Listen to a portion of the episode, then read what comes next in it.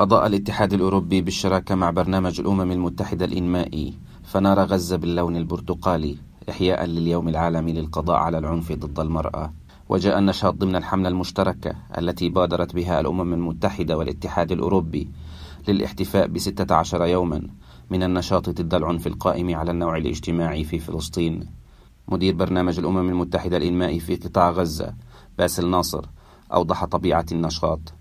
وقال نحن اليوم بالتعاون مع الاتحاد الأوروبي سوف نقوم بإنارة فنارة ميناء غزة كجزء من فعاليات حملة 16 يوم لمناهضة العنف ضد المرأة وهذا يعني تعبير عن موقفنا بالأمم المتحدة والمؤسسات الدولية العاملة في قطاع غزة بالوقوف ضد جميع مظاهر العنف ضد المرأة والعمل على مساندتها في محاربة ما تتعرض له من عنف ودعمها في قضاياها الاجتماعية والإنسانية والحياتية. بدوره تحدث أيمن فتيحة ممثل الاتحاد الأوروبي في قطاع غزة عن أهمية الفعاليات المصاحبة لليوم العالمي للقضاء على العنف ضد المرأة. وقال أعتقد مجرد إقامة مثل هذا النشاط هو رسالة واضحة وهو لفت انتباه لجميع المسؤولين ولجميع الأشخاص سواء في فلسطين أو في العالم. للحد ومحاربة العنف المبني على النوع الاجتماعي والعنف الموجه ضد النساء. وكذلك رسالة للجميع من أجل أن تأخذ وتتمتع جميع الفتيات والنساء في فلسطين بحياة خالية من العنف وحياة خالية من الخوف. صمم فنار أو منارة غزة الفنان التشكيلي شريف سرحان. وأصبح الفنار رمزا يعبر عن مدينة غزة الساحلية وملجأ لكثير من العائلات الفلسطينية لقضاء بعض الوقت للمتعة في منطقة الميناء.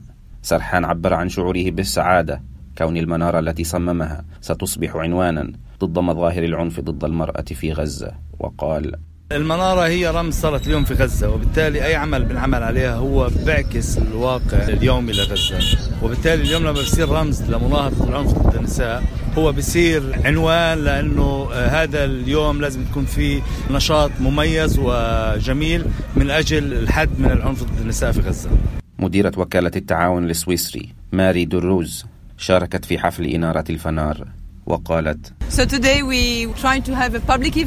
نحن اليوم هنا في فعالية عامة للتأكيد على التزامنا بالتصدي للعنف المبني على النوع الاجتماعي. هذا التزام عام لنظهر للجميع أن العنف ضد النساء ليس مسموحا به. وهذا في غزة على وجه التحديد مهم جدا لأن النساء يواجهن الكثير من الأعباء في مسؤولياتهن العائلية.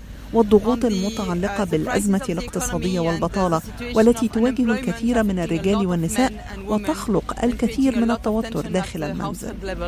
لا تزال النساء والفتيات في فلسطين يتعرضن لشتى أشكال العنف في المنزل وفي المجتمع. هذا العنف مركب ويشمل قوانين تمييزية وممارسات تقليدية وعنف أسري. كما أن العنف الذي يولده الاحتلال يعمل على تعزيز وتقوية السلطة الأبوية ويبقي على دائرة العنف ضد المرأة. في الإطار الأسري الفلسطيني. حازم بعلوشة إذاعة الأمم المتحدة غزة.